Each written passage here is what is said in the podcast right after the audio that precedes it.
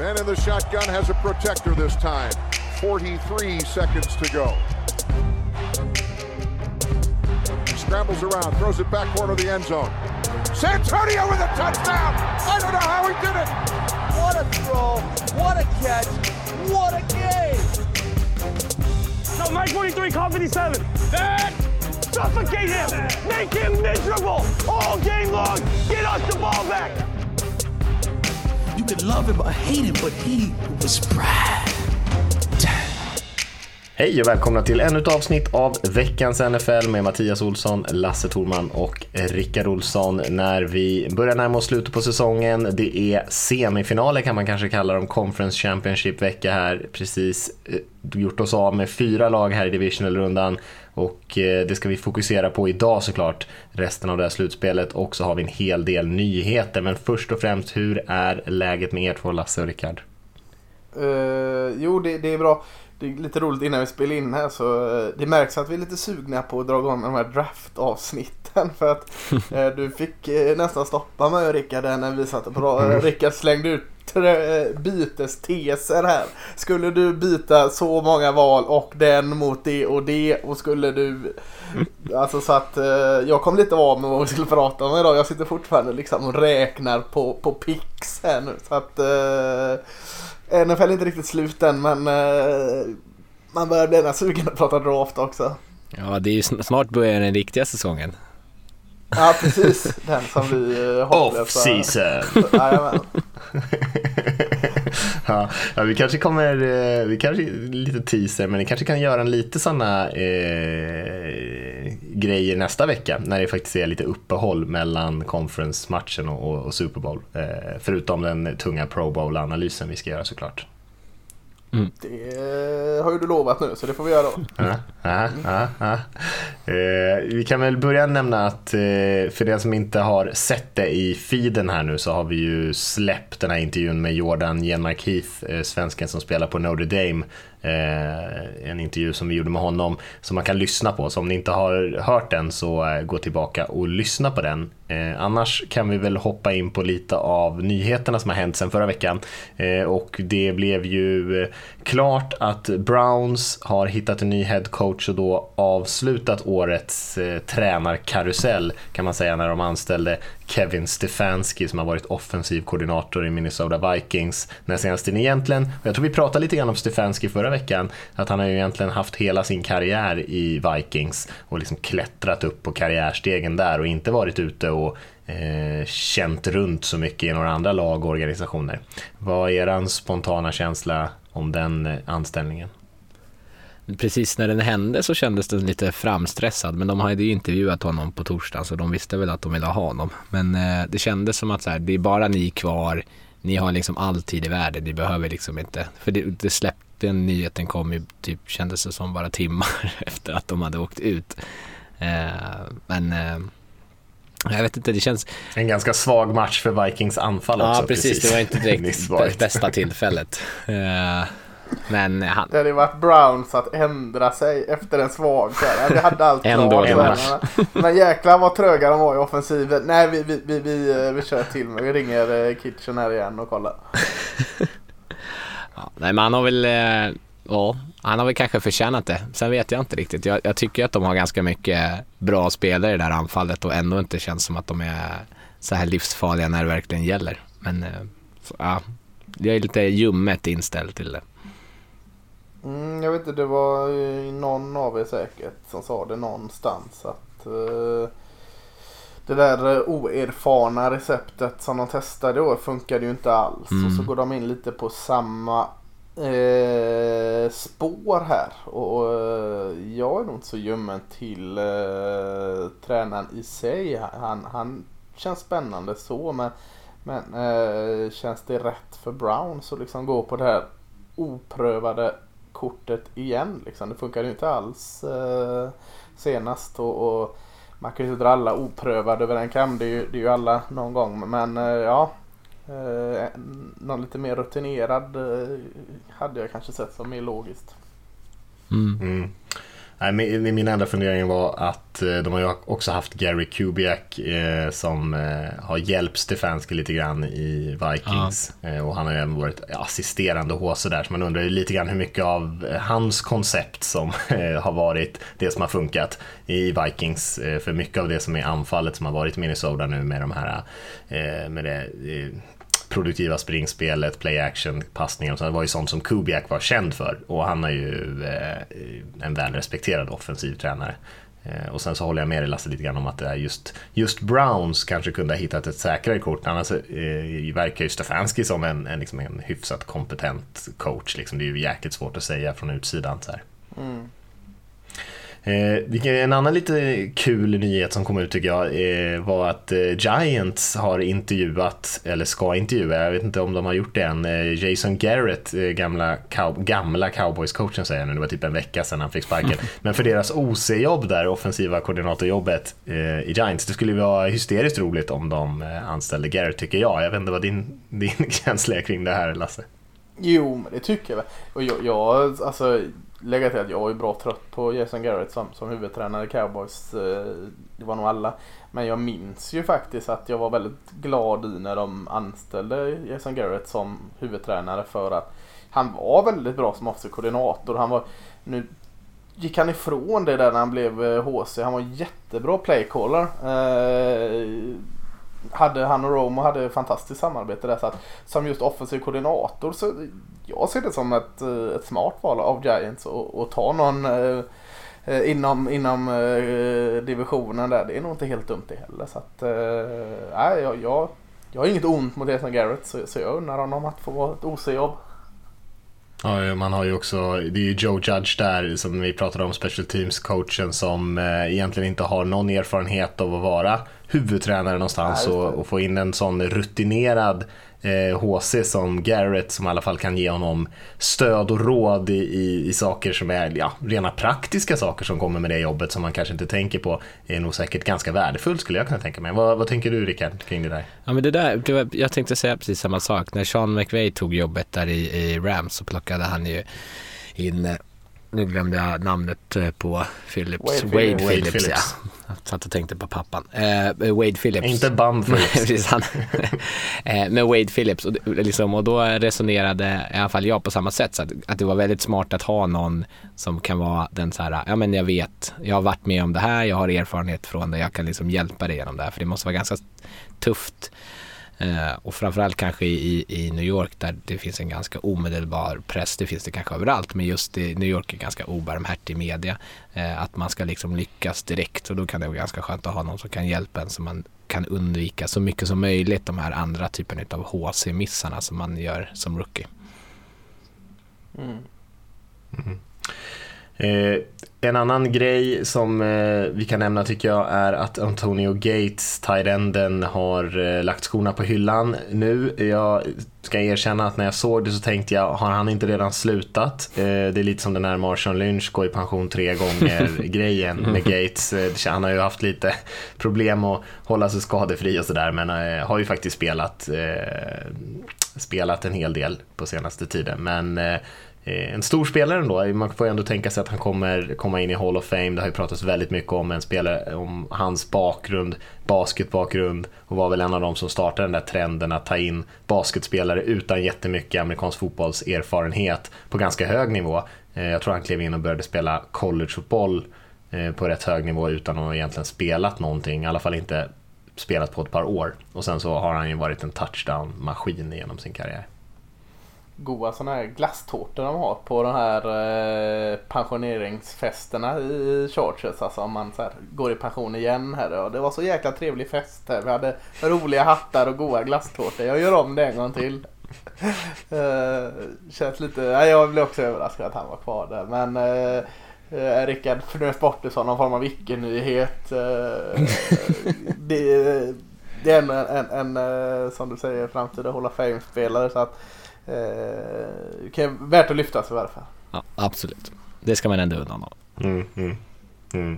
Det kan inte ha någonting med att göra att det är Chargers just som det ja, handlar om. Det känns som att det inte alls är relaterat till det. nej, Nej. Jag har inte gått i pension eh, liksom flera gånger om, men jag har ju slutat på samma jobb eh, flera gånger och fått liksom det? avslutspresent varje gång. Det, det är också något jag kan rekommendera faktiskt. Var det det du, på grund av att du gjorde det då? Vad menar du? Att du slutade på samma jobb så för att få eh, typ Disney on Ice två gånger om? Jag, jag, jag tänkte inte riktigt så just då, men Du gjorde eh, nej. Någon sån här Itala-skål eller något sånt där eller vad man får när man just slutar. inte. Ja. Räktrålare i kristall. Fina. Eh, Philadelphia Eagles kommer vara laget på eh, årets säsong av All or Nothing. Det är ju som en, eh, en form av, en, ska man säga, en lite annorlunda variant av Hard Knocks. Man följer ett lag under själva säsongen.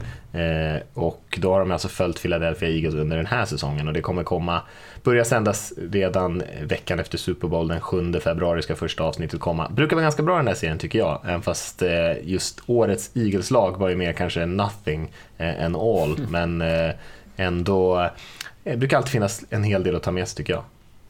På Prime eh, går ju de där. Amazons streamingtjänster. Ganska billigt, typ 40 spänn i månaden. Så att eh, det kan ju vara värt. Brukar de inte lägga upp alla samtidigt också? Så har det varit Ja, förut kanske har jag för mig, så ja. att man Ja. liksom kan Mm. gå in och streckkolla det på en vecka och sen så säger man upp eh, prenumeration. Exakt, skaffa en provvecka Ja. och sen bara kör. Mm. Nej. Ja, det, det, men den är bra den serien, det brukar vara jäkligt eh, intressant. Ja, ja. Eh, lite annan vinkel än från Hard Knocks, man får liksom se vad som händer under en säsong och nu antar man ju att det blir lite fokus på skadorna kanske som Philadelphia har haft där eh, och hur man anpassar sig till det. Eh, Luke Kuechly, apropå skador, eh, linebacken i Panthers, eh, avslöjade här, eller rättare sagt meddelade, kanske lite oväntat, att han också kommer lägga skorna på hyllan och sluta spela. Han har ju haft ett gäng hjärnskakningar eh, under sin karriär. En lite andra småskadebekymmer också, men det är väl framförallt hjärnskakningarna som sticker ut och eh, han är lite orolig för sin framtida hälsa och väljer att ta det säkra för det osäkra och lägga ner helt enkelt. Han har tjänat tillräckligt med pengar, får man väl ändå säga, för att eh, kunna ganska bekvämt göra det beslutet. Men ändå en chock. Jag såg att när vi la ute på Facebook var det många som tyckte att det där var väl inte så oväntat. Eh, Men jag har nog inte hört någon säga innan det blev en nyhet att eh, det ens var på tapeten att han skulle göra det. Så för mig var det oväntat. det var oväntat. Mm. Det Ah, var okej, en del som ja, eh, kommenterade det. Ja. Eh, jag, eh, jättetråkigt eh, att inte han är med längre. Man, man får respekt för, för valet. Det är eh, en av de bästa linebackersarna jag har sett i NFL. Eh, ta det här med att han har en gammal anekdot där med, med du sa att han har tjänat upp tillräckligt med pengar. Han eh, i, i början av sin NFL-karriär så bodde han ju i en studiolägenhet, alltså en, en etta.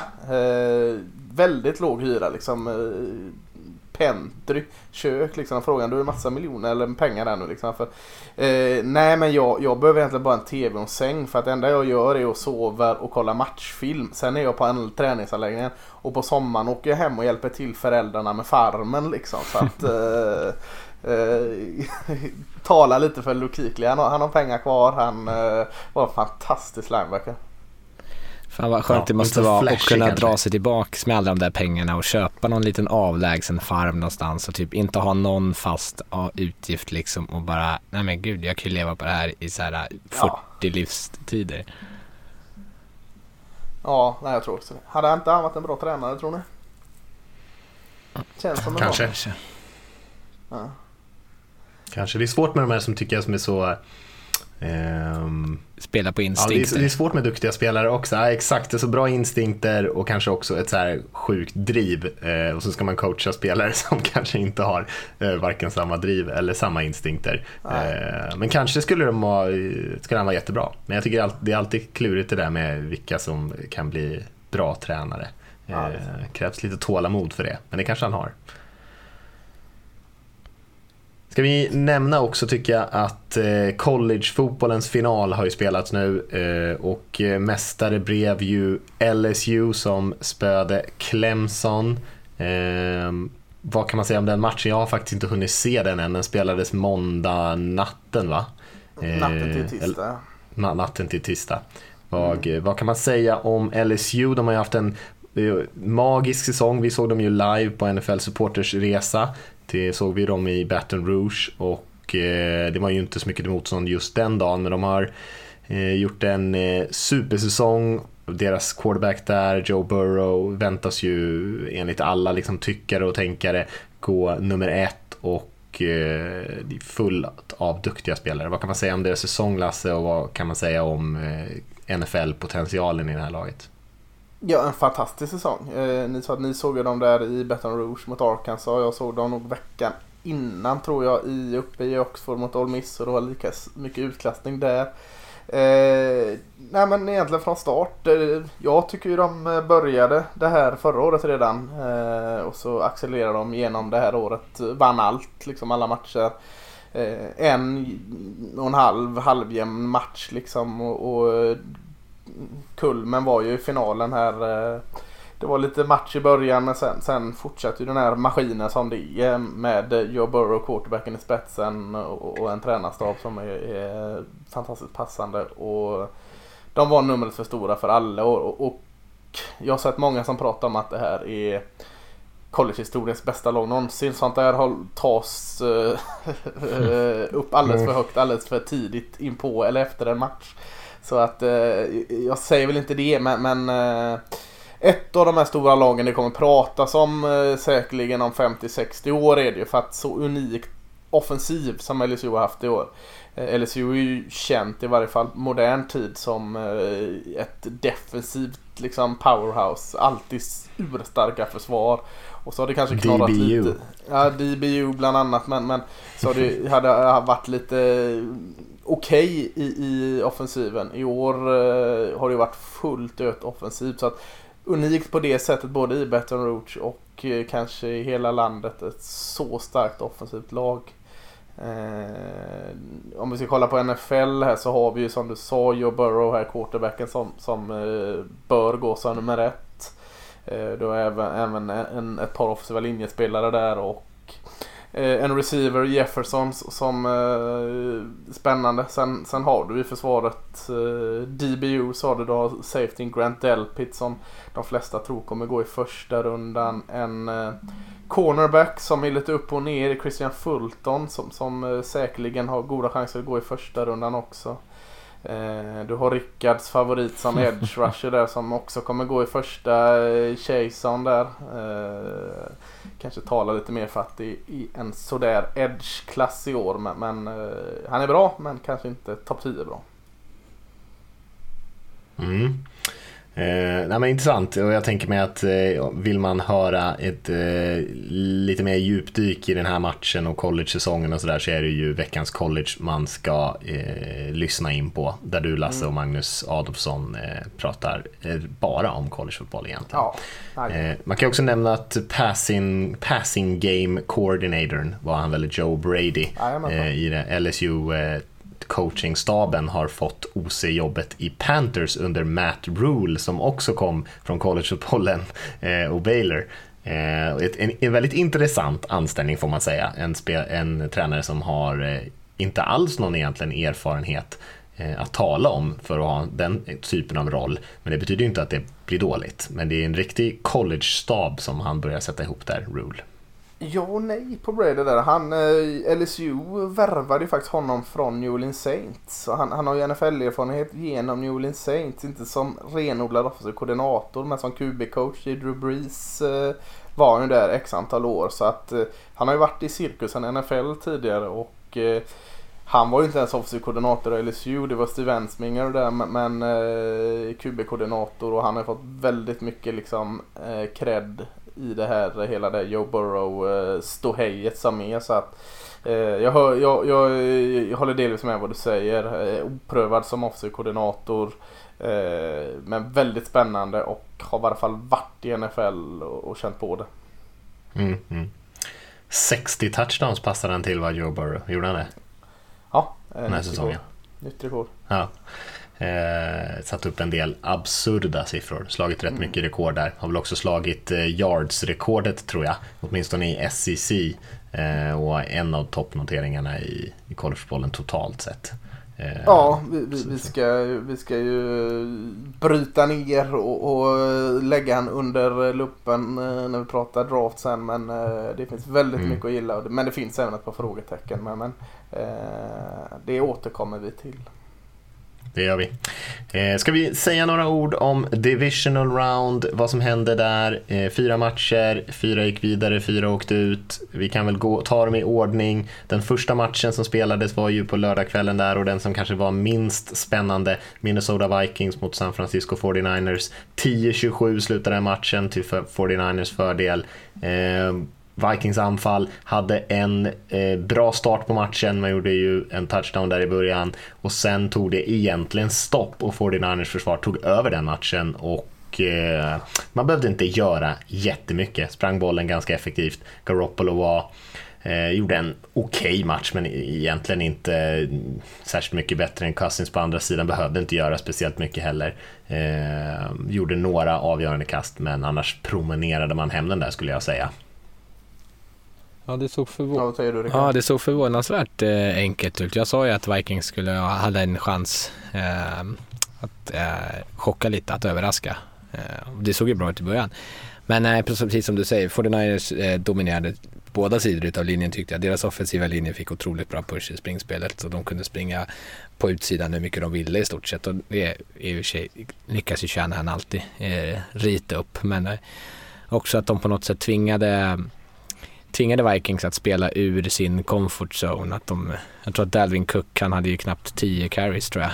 Eh, och det är liksom, han är motorn i det där Ja. anfallet. Även om de har bra receivers och, och även om Cousins har spelat väldigt bra så är det ju liksom Cook som det där anfallet måste vara. Och genom att vara så aggressiv tidigt så tar 49ers liksom kommandot och så måste Minnesota spela liksom eh, i underläge och känna sig stressade och börja jaga och börja jaga och då är man ju direkt i 49ers händer med deras effektiva pass rush. Så att, att dels så är jag väl missnöjd över Vikings, liksom att de blev så stressade och inte bara kunde lugna ner och tänka så här, men vi måste fortsätta med liksom vad det vi kom in i matchen med att vi trodde att vi skulle göra för att vinna istället för att liksom, eh, stressas. Men eh, otroligt imponerad utav eh, 49ers.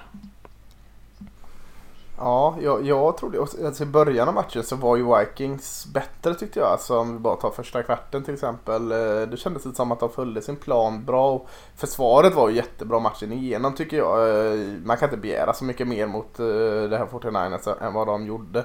Kanske missat lite saker här och var. Men, men det är ju offensiven som, som ni nämner. Som absolut inte funkar. Det var inte bara så att det var Cook som inte fick några carries och inte fick till det. Utan Kirk Cousins eh, hittade ju egentligen ingenting att, att lägga ut på heller. Och, och eh, Fordinanis gjorde ju en jättematch. Richard Sherman tycker jag eh, ska lyftas upp. Eh, tyckte han gjorde en, en, en, ytterligare en bra match här. Och tänkte det, vi har pratat ett par gånger här om, just eh, Seattle Sea också, Pete Carrolls envisa dumhet att eh, liksom tugga på, tugga på, tugga på och till slut vinna matcherna. Hade Pete Carroll tränat Vikings här och de hade tuggat på, tuggat på, tuggat på så hade de säkert vunnit matchen för att eh, eh det kändes som de, de slutade tugga på. 49ers nollade ju dem i andra halvlek där så eh, ah, jag är som Rickard väldigt imponerad av 49ers och framförallt 49ers försvar denna matchen. Mm, ja.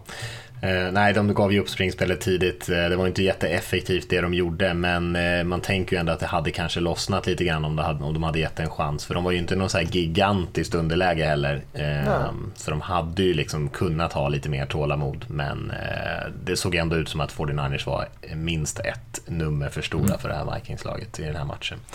Hoppa till, och till tillbaka, senare. det syntes väldigt, ska vi nämna också. Ja. Fantastiskt. Ja. Eh, ja, han gjorde en bra match. Eh, den sena lördagsmatchen sen var ju Tennessee Titans hos Baltimore Ravens. Eh, jag skulle nog påstå att det var veckans skräll där i alla fall. Titans vann ju över Ravens. Nu har jag slagit ut Patriots och Ravens här. De vann med 28-12 och de gjorde på exakt samma sätt som de vann över Patriots om man får säga så. Eh, De eh, passade knappt bollen. Tannehill återigen under 100 yards. Jag tycker han gjorde en bra match, men han behövde egentligen inte göra någonting. Man sprang bollen med Derrick Henry för 195 yards i den här matchen. Följde upp hans 186 tror jag han hade, eller 182 mot Patriots.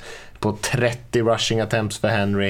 Eh, och eh, på andra sidan bollen så, eller på andra sidan så hade man ju ett kanske mer slarvigt Ravens som däremot också likt eh, likt Vikings här tappade sin identitet lite grann. Man hade ju Lamar Jackson som passade för en eh, otrolig mängd gånger. Eh, inte så effektivt, hade ju två interceptions, hade också en fumble eh, och man bjöd på lite misstag och Titans tittade inte tillbaka, 28-12. Nej, det, det är både en för och nackdel med, med eh, nattmatcher på lördagar. För att eh, fördelen är att man kan vara uppe och se dem live. Nackdelen är att man är ganska mossig i huvudet när man ser dem.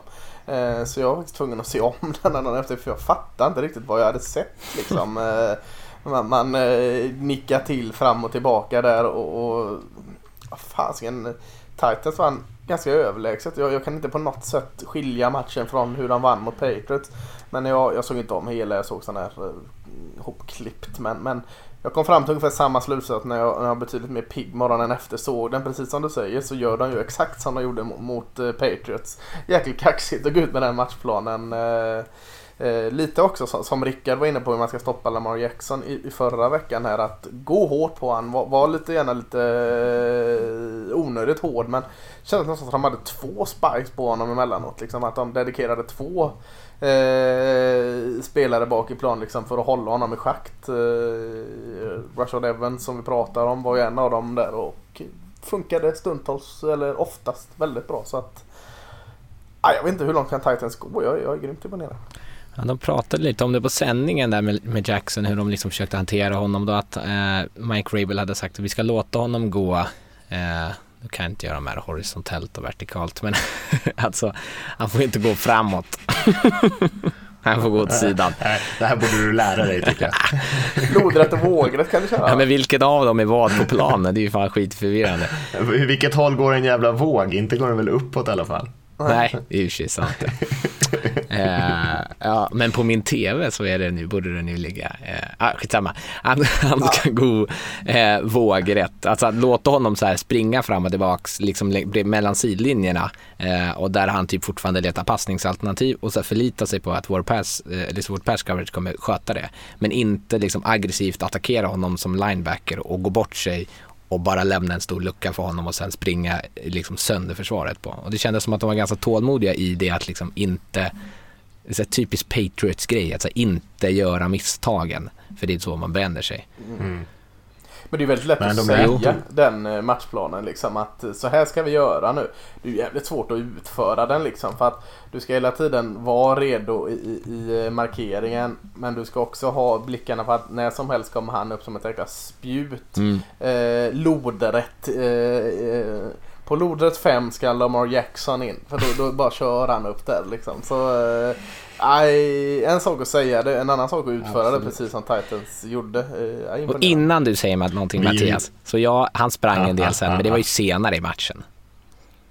Ja, ja, ja, men jag ska inte säga emot dig. Däremot ska jag säga att det vi pratade om lite grann inför matchen, vi tre, var ju att eh, får Ravens en jättebra start i den här matchen så är de väldigt svåra att möta, för då nöter de klockan och man tvingas chansa lite grann mm. och Eh, eh, och det blir ganska svettigt att möta dem. Och eh, Titans kunde ju genomföra sin gameplan här just för att Titans fick ju en jättebra start. Tog ju ledningen med 14-0 och då kunde man liksom springa bollen, eh, bollen med Henry, mjölka klockan, behövde inte känna någon stress egentligen att göra någonting eh, sådär explosivt i sitt anfall och kunde undvika misstagen. Och då kunde man ju också låta Lamar Jackson alltså flytta bollen ganska hyfsat upp och ner längs plan. Eh, och utan att liksom känna sig alltför stressad att man hamnade i något stort underläge. För som du säger där, Lamar Jackson, han passar 59 gånger, vilket är en absurd siffra till att börja med. han passade för 365 yards och sprang för 140, så han hade ju 510 yards totalt själv. Um, och jag såg att det var många som var sådär, Lamar Jackson liksom floppar den här matchen. Och jag vet inte riktigt, är det rättvist? Jag tycker Lamar Jackson var väl en Eh, den spelaren som, som faktiskt försökte göra någonting här och det var ju en hel del andra saker som kanske inte fungerade.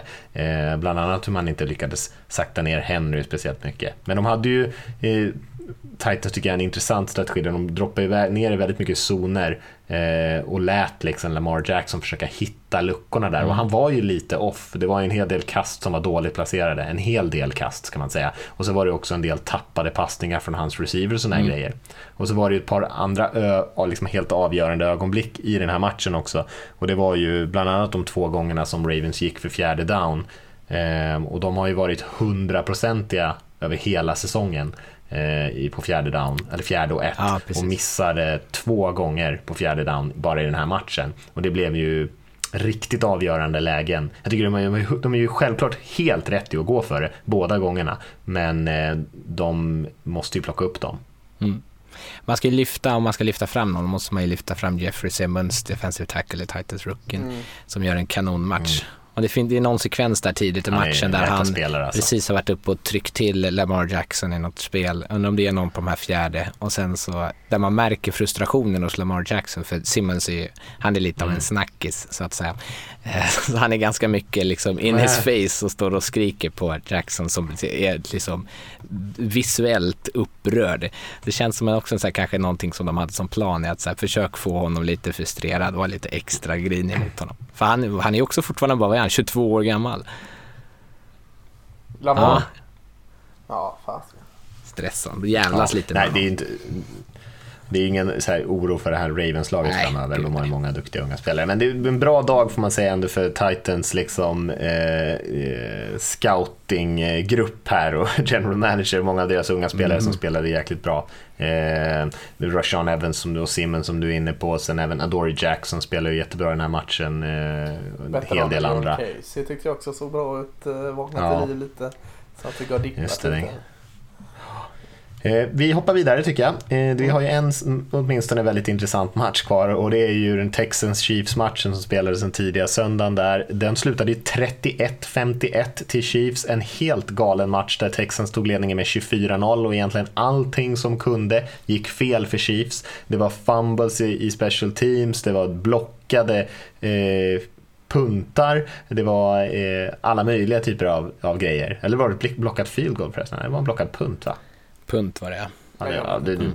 ja nu det var så mycket blev det lite starkt. Det var säkert både och tre gånger. Ja, exakt, det blev så mycket poäng efter det. Så, eh, och de tog ledningen med 24-0 och sen så gjorde Chiefs eh, hur mycket poäng i rad som helst. Jag tror de gjorde 42 raka och sånt där. Eh, och sen eh, ja, slutade det ju med 51 poäng för dem. Eh, jag vet inte vad man ska säga om den här matchen. Eh, jag trodde ju att Chiefs skulle vara fullständigt överlägsna och även fast det inte blev Även fast det blev lite spännande med tanke på starten så var de nästan mer överlägsna än vad jag någonsin hade kunnat föreställa mig. Man hade kunnat spela den här matchen hundra gånger och Chiefs hade vunnit hundra av hundra tror jag. Eh, för att de var så otroligt mycket bättre än Texans. Ehm, det var min känsla i alla fall att sett den här matchen. Det var inte nog med att de, de vände det här underläget. Alltså, en bit in i andra kvarten så låg de under med 24-0. Och det är inte så att de vänder och vinner överlägset. De har ju ledningen i paus. Mm.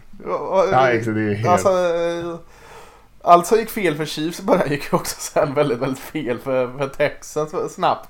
Spelade lite tufft, gjorde någon, vad var det, fake punt där, gick käpprätt åt skogen och så sen var det bara allt gick fel för eh, Houston och, och, och, och så sen lägg till där att Chiefs bara totalt körde över dem i, i offensiven. Och andra så eh, uh, fattade nog försvarsspelarna att uh, vi kan inte göra som vi gjorde i början. Och även där, en av Chiefs, andra halvlek var en av Chiefs bästa försvarsinsatser också. Det glömmer man bort. De är ju byggda också för att spela i ledning, liksom försvaret. Mm. Uh, superimponerande. Och det var verkligen det här man känner att det, det vad, vad Texas ens försöker göra, det, det, går liksom inte att stoppa Chiefs. Så det, det enda anledningen till varför de tog en ledning med 24-0, det var för att Chiefs, typ, de hade ju en miljard droppade passningar i början också. Så egentligen var det ju Texans, mm. de var ju aldrig deras försvar som stoppade Chiefs anfall. Det var ju bara Chiefs anfall som slarvade. Nej. Mm. Ja exakt, Texans gjorde ju inte så mycket för att få den där 24-0 ledningen. Det är klart att de gjorde ju touchdowns på på ja, de möjligheter de finns. Eller fick, men de, men de stoppade ju aldrig Kansas City. Och sen hade de ju sju raka drives med touchdown på varje drive. Vilket är liksom fullständigt absurt, som att de möter liksom ett, eh, du vet, ett Pee-gäng eller någonting. Eh, så att det, det var en, jag tycker det var en våldsamt imponerande match från ja, Chiefs. Och så tycker jag, jag har nog sett tre, fyra matcher då där Chiefs offensiv har sett bättre ut än vad han gjorde. Som ni nämner, alla de här tappade passningarna i början. Eh, Patrick Mahomes var ju så bra men jag har sett honom bättre också. Så att eh, 51 poäng eh, och eh, de kan mer i min känsla. Mm, ja, ja, visst. Kul QB-matchup där av två av NFLs absolut bästa unga QBs, eller bästa QBs eh, generellt kan man väl ändå säga, även fast de är unga. Deshaun Watson gjorde också en bra match den här, en riktigt bra match för Texans. Eh, Patrick Mahomes och Chiefs var ju däremot alldeles för bra. Sena söndagsmatchen där, eh, Seahawks Packers slutade 23-28 till Green Bay. Green Bay ledde ju egentligen hela matchen, såg relativt överlägsna ut, eh, var ju extremt effektiva på tredje down, något som man inte har varit hela den här säsongen. Eh, Davante Adams var ju den stora plågan för Seahawks försvarare, hade ju 160 yards, två touchdowns i slutändan. Eh, och Seahawks var väldigt segstartade, sprang bollen lite för mycket kan jag tycka, än vad man kanske borde ha gjort. Och sen så lyckades man komma ifatt när man lät Wilson passa bollen lite och hade ju faktiskt en god chans att vinna den här matchen med, med bollen och fyra minuter kvar eh, och möjlighet att vända och vinna, men lyckades inte med det.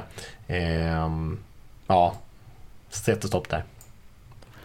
Alltså som supporter så måste det vara så otroligt frustrerande att titta på det här att de typ bara, att de tänker så här, äh, vi spelar bara matchen i 30 minuter. För det, det är lite så det känns som att så här, men vi springer första halvlek i så här, fastän vi inte borde och så får det vara så. Och sen så, sen när liksom, ah, fan nu är det ju för sent, nu, nu Wilson, nu fixar det här åt oss. Sen många gånger funkar det. Eh, men det är så här, alltså hela arenan vet liksom att ah, men nu är, ligger allting i Wilsons händer. Jag förstår inte hur de, hur, liksom, hur de kan gå in med en matchplan eh, som är så otroligt dåligt förberedd. Nej, jag håller med. Jag, eh, du har ju sagt detta med, med en dåres envishet att eh, det är ju så här Pete Carroll gör. Han, han tuggar på och tuggar på men Ehm, vad fan, någonstans måste man kunna eh, frångå den planen liksom när man ser att det så uppenbart inte funkar eller?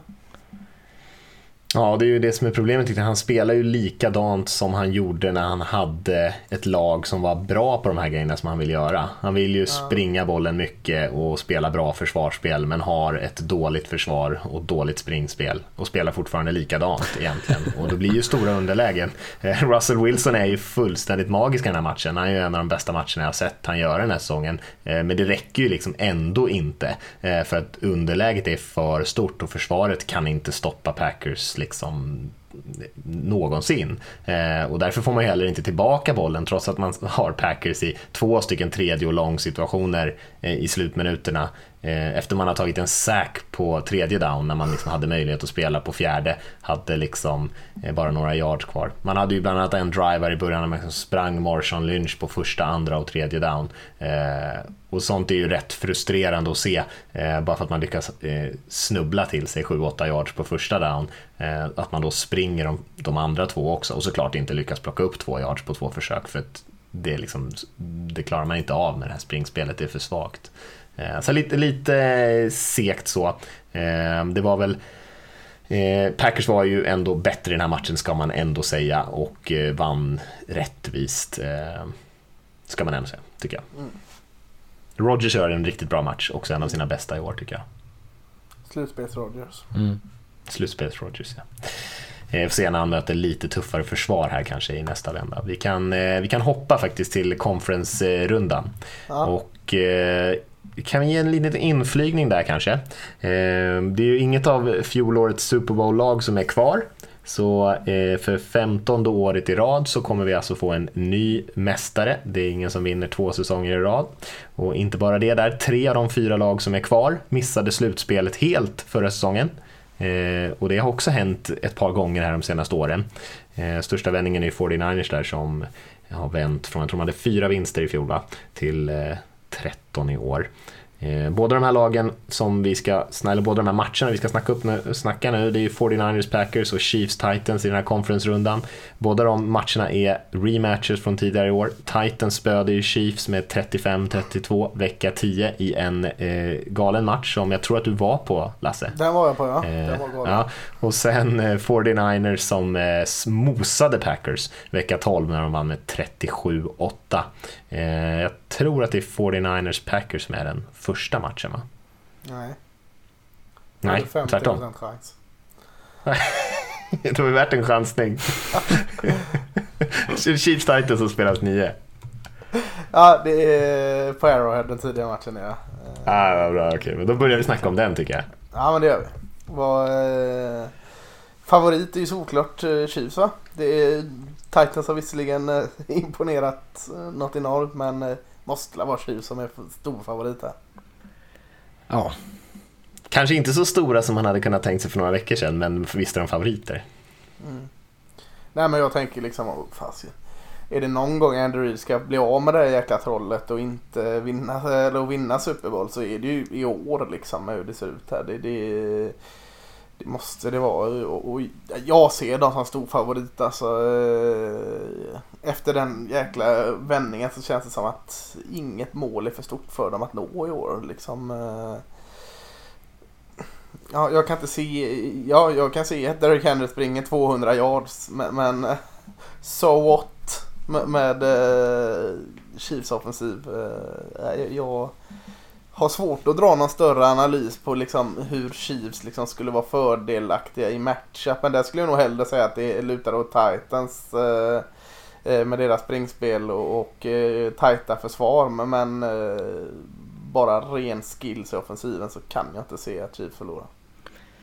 Nej, det är lite så här Titans, det som de gör bra är att de med sitt springspel kan tugga klocka. Det lär de kunna göra nu också, men de möter ju ett anfall som gjorde 28 poäng på 10 minuters effektiv speltid nu senast. Så de, liksom, Chiefs borde, kommer inte vara stressade av att så här, ah shit, vänta, vi kan inte, eh, vi får ingen boll. Äh, strunt samma, jag behöver, vi behöver fyra spel så kan vi liksom rulla 95 yards ner på planen och, och göra en touchdown. Men jag tror i och för sig att de kommer ha det ganska mycket svettigare den här matchen. Ja, Titans försvar är ju betydligt bättre. Eh, Och så tror jag att de Titans kommer kunna spela, eh, de har bättre spelare eh, och så framförallt Bayer där i bak. Eh, att de ska, kommer kunna liksom tvinga Chiefs kanske att inte få de här stora explosiva spelen utan tvinga Mahomes att spela med tålamodet. Ja men ta, ta fyra yards, ta fem yards, passa din checkdown hela tiden och kolla ifall han orkar göra det i en match eller om han liksom blir lite girig och lite stressiga, stressad och känner så här, fan jag bombar, jag bombar fast jag inte borde och så gör han det och så kastar han en interception eller något sånt. Men det är ju jobbigt när eh, Mahomes check där är Travis Kelce. Ja, ja kanske det. Han går ju inte att stoppa heller. Liksom. Men det är också så här eh, orättvist kanske, Eh, även om jag håller med att Chiefs anfall är fenomenalt så mötte de ju ett förskräckligt dåligt Texans passförsvar som dessutom hade massa skador i sitt secondary. Ja, det, det är väldigt sant. Ja, det kanske är jämnare matchen men fasken Mattias, tror du verkligen att Titans kan ta det? Kan ta det, ja. Ja. Jag tror inte att de gör det, men de, de kan absolut ta det. Alltså jag tänker mig, det är, precis som Chiefs anfall säkert kommer kunna göra mycket poäng på det här Titans-försvaret, för jag tror att Chiefs anfall är tillräckligt bra att göra mycket poäng på vem som helst. så kan ju Titans anfall mycket väl göra mycket poäng på det här Chiefs-försvaret. Det är ju ett av de svagare springförsvaren Ja, i ligan. gjorde Nu får bevisligen när jag var på plats där. Så, eh, eh, ja, det, och den matchen var ju också sån här böljande fram och tillbaka. Jag, jag, eh, ah, jag vet inte, bara jag blev så paff när jag såg Chief senast. Så att jag, jag är så liksom skyggslapparna på. Jag, jag, jag kan inte se liksom hur Chief förlorar eh, någon mer match i år. Det lär ju bli mycket poäng i den här matchen. Alltså jag, jag, jag kan man inte föreställa mig att den inte blir kul. Ehm, men jag, jag tror också som du att Kansas City kanske är ett, ett, eh, nummer för stora. Men det har jag ju trott om alla Titans motståndare som de har eh, Ja, krossat får man ändå säga. Både Patriots och Ravens vinner man ju fullt rättvist. De är bättre än sina motståndare. Och Rav, hade Ravens mött Chiefs, då hade man kanske sett Ravens som favoriter. Åtminstone så som de lämnade regular season i den här matchen. Och Titans vann bekvämt mot dem. Eh, Eh, och nu är de då stora underdogs igen mot Chiefs. Det är ju inte riktigt logiskt alla gånger. För att precis, jag såg någon också från eh, Cynthia Freeland där som är eh, analytics-tjejen på NFL Network. Hon pratade om att även när Chiefs eh, stackar boxen, alltså sätter åtta försvarare för att stoppa springspelet i boxen, eh, så är man rätt kassa på att försvara springspelet. Och även med åtta spelare i boxen tillåter man 4,6 yards per carry den här säsongen. Eh, Eh, och det talar inte sådär jättebra för att man ska lyckas kunna stänga ner Henry även om man försöker. För det är ju många av de andra lagen har ju också gjort det. De har ju försökt fylla boxen med massa spelare men det spelar liksom ingen roll mot den här Derrick Henry just nu och eh, hans offensiva linje utan de köttar på ändå. Och trots att eh, motståndarna verkligen anstränger sig för att sakta ner dem så lyckas de inte. Eh, så att jag tror att Titans kommer kunna hänga med just för att anfallet kommer kunna göra poäng. Sen blir det nog svettigt och sakta ner Kansas City, även fast de har duktiga spelare som vi har nämnt här. Eh, men jag tror att Andy Reid eh, kommer mästra dem ganska, ganska enkelt. Mm. Mm, jag tror att det mycket kommer handla om också, för jag kan tänka mig att Chiefs kommer kunna eh, få något explosivt spel tidigt. Och detsamma som vi sa att Vikings misslyckades med mot 49ers, att Titans, och det har de visat att de är liksom tålmodiga med springspelet. Det är där vi kommer att vinna matchen. När de låg under med 14-0 i en viktig match mot Texans där mot slutet av säsongen, då, så blev de inte heller stressade utan då sprang de också bara bollen som man säger, ja men det står 0-0, vi struntar i det liksom. Eh, så det är det, det är det de behöver mm. göra för Henry blir ju bara bättre och bättre. Liksom. Efter att man har tacklat mm. honom, så här, han har sprungit 30 gånger och man står där som en liksom line, eller secondary, någon i secondary, en, en safety eller någonting och så liksom väger man så 20 kilo mindre än honom och han kommer i full fart. Liksom, till slut blir man rätt jävla trött på det där tåget som bara dunkar och dunkar och dunkar och så blir man lite mer kanske liksom skygg i att ge sig in i onödiga liksom, kroppskontakter. Så de behöver ju ha honom. De behöver springa med honom minst 25 gånger för att ha en chans. Mm, det lär de göra. Det tror jag också. Jag tror däremot att de passar lite mer i den här matchen än de har gjort tidigare. Skulle inte förvåna mig om de kommer ut i början på matchen och passar lite play action passningar. Bara för att det liksom uppenbara är att de ska springa bollen. Och nu har de gjort det två veckor i rad eh, och har liksom lagt en ganska bra matta för att alla, alla ska tro att de ska springa bollen eh, like crazy. Ja, de eh, ja. De, gick ut ja, de passade ju lite på första serien mot, förra matchen. Ja, det, det, men de körde ju exakt samma. De var inte dolde ju inte något eftersom de körde samma recept mot Baltimore som mot New England. Så att kör samma igen. Mm. Vad tror ni för poäng här? Jag skulle kunna tänka mig att det blir drygt, vad ska jag säga, kanske 34-28 till Chiefs eller något sånt där. Hmm. Jobbiga frågor. Åh, fan. 27... Eh, ja, vad ska vi säga? 27-20 då till, till Chiefs. Jag tror inte att det blir lika mycket poäng som du tror. Mm. Låt lägga mitt emellan och säga 30 mot 17. Oj, riktig utklassning Chiefs där. Ja, men du, du, du, du höll, i alla fall, höll i alla fall fast vid det du sa från början där. Mm. Hoppar vi till eh, 49ers Packers då. Eh, vad ska man säga om den matchen? 49ers har ju sett klart starkare ut sett över hela säsongen. Eh, mycket starkare skulle jag till och med säga. Men Green Bay kan ju vara bra när de spelar bra. De är väl lite mer upp och ner kanske. Ja, be lite om ursäkt för det här innan här med och vi har liksom gnuggat på Jimmy Garoppolo här liksom. Ger han inte cred gör ingen av oss liksom. Men återigen så vill jag stå fast i det. Vart har vi Jimmy Garoppolo den här matchen? Någon gång kommer ju han sättas på prov. Eh, Packers försvar kan ju vara riktigt bra. De kan ju också vara eh, allt annat än bra. Men eh, man har ju sett dem riktigt bra i år. Och, och eh, nu har de ett sånt system i offensiven att Jimmy Garoppolo kan fungera på ganska simpla krav som ställs på honom. Men återigen så vill jag studsa tillbaka till Jimmy Garoppolo. Vart är honom? Vart har vi honom? Hur eh, tar han sig an den här matchen? Eh, du nämner ju det att, de, att eh, 49ers gjorde den största vändningen av alla. De gick bedrövligt förra året när han var skadad och nu är de hur bra som helst. Så att, helt oäven är han ju inte men, men jag hakar upp mig på i alla fall. Liksom, vill veta lite vart Jimmy Garoppolo står. Alltså jag, jag tycker man, eh, det är väl kanske hädelse att säga, men jag vet inte ens om eh, han är den sämsta kuben i den här matchen. Eh, Roger spelade bra förra veckan, men han har ju verkligen inte gjort det under hela året. Jag tror att han är en av de, alltså, en av de sämsta i, eh, att, vad fan ska man kalla det? Han eh, ligger väldigt högt upp i att kasta bollar som är helt omöjliga för sina receivers att ta emot. Uncatchable passes ligger han jättehögt i för att han har så sjukt många ankor som han drar iväg. Eh, och mycket handlar om att de han är ganska, eh, han känns lite skakig när han blir pressad och det var han även mot, mot Seahawks. Där satte han typ han var två av åtta passningar när han väl blev eh, rushad. Liksom. Men det blev han ju inte. Eh, för att ni spelar så dåligt Mattias, ursäkta. vi har ju ingen pass rush, vad ska vi göra? Men, och här, vi gjorde så gott vi kunde. Och för, senast de möttes, det var ju det som var liksom nyckeln, det var det 49ers gjorde. Eh, de stressade honom och då såg han eh, bedrövlig ut faktiskt. Mm. Nej, jag håller helt med dig. Jag läste någonstans att han har under 40% i completion percentage när han är under press mm. den här säsongen. Och eh, han har varit en av de absolut sämsta quarterbacksen i NFL när han har varit under press. Och som tur är för honom så har han ju en av, en av ligans bästa offensiva linjer, särskilt i passblockering. Pass. och det har han ju haft i många, många år. Så, men här möter man ju en en ganska tuff defensiv linje. Det blir en riktig giganternas kamp där mellan Packers O-line och 49ers defensiva linje. Jag skulle nog ge en liten edge där till 49ers, att deras Stor linje är ju eh, snäppet vassare.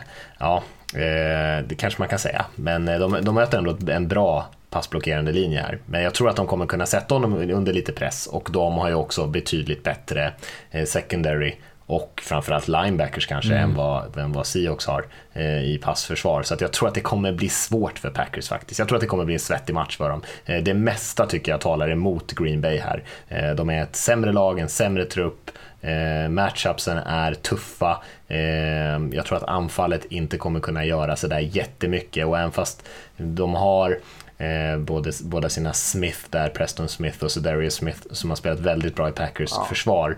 Eh, så är det inte riktigt det tror jag som Kyle Shanahan kommer låta, eh, det, eller låta Packers skada dem. Eh, jag tror inte att de kommer kanske sätta Garoppolo i så tuffa situationer. Jag tror att de kommer kunna vara ganska produktiva i sitt springspel och liksom hålla den här matchen eh, på ganska sådär, utan att ta för mycket risker, vinna den här matchen.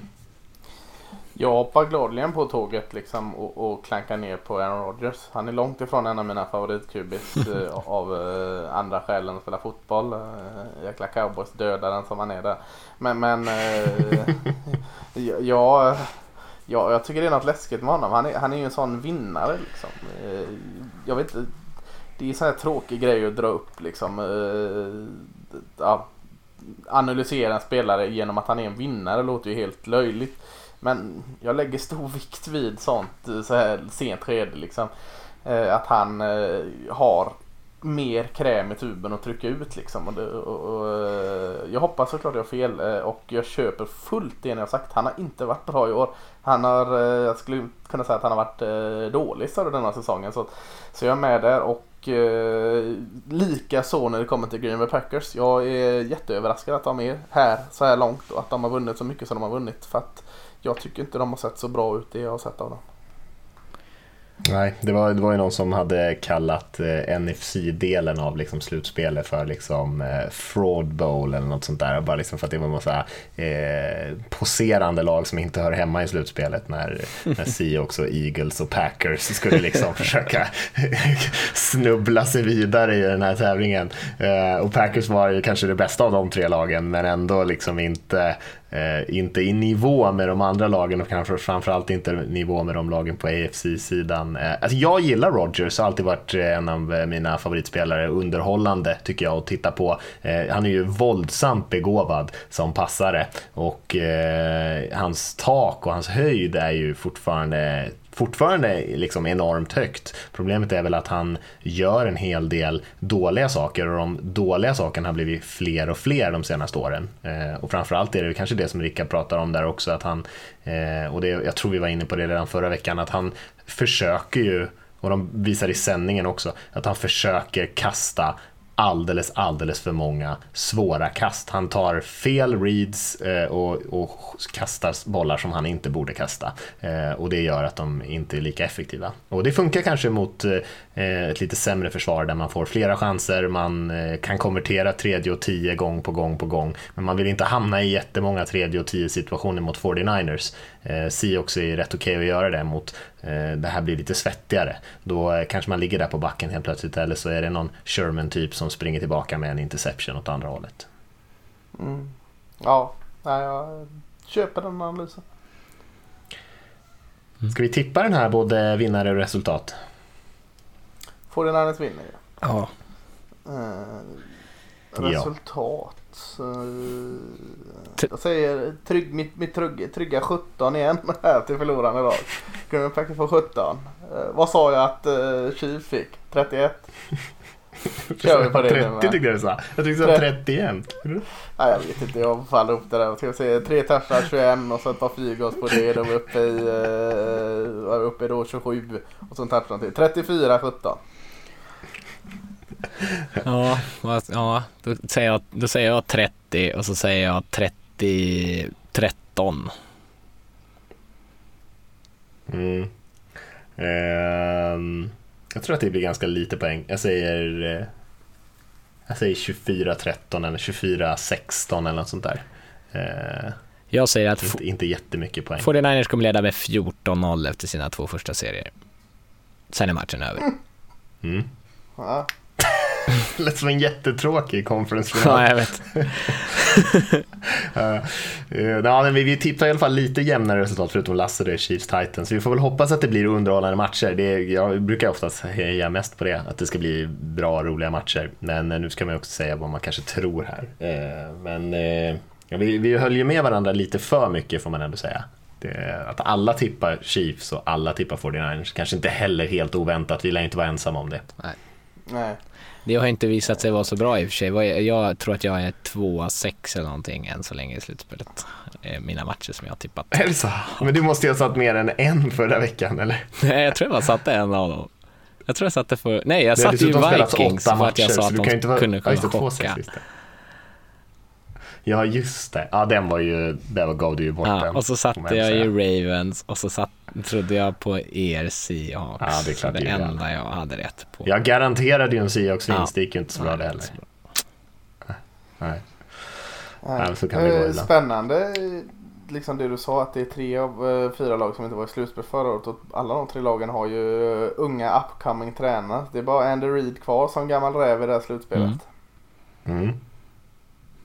Ja, det är faktiskt Gammal kul. eld, vinner man då eller? Vinner, eh, jag frågade häromveckan eh, vilka ni hade sett Super Bowl så nu frågar jag vilka som vinner Super Bowl redan nu.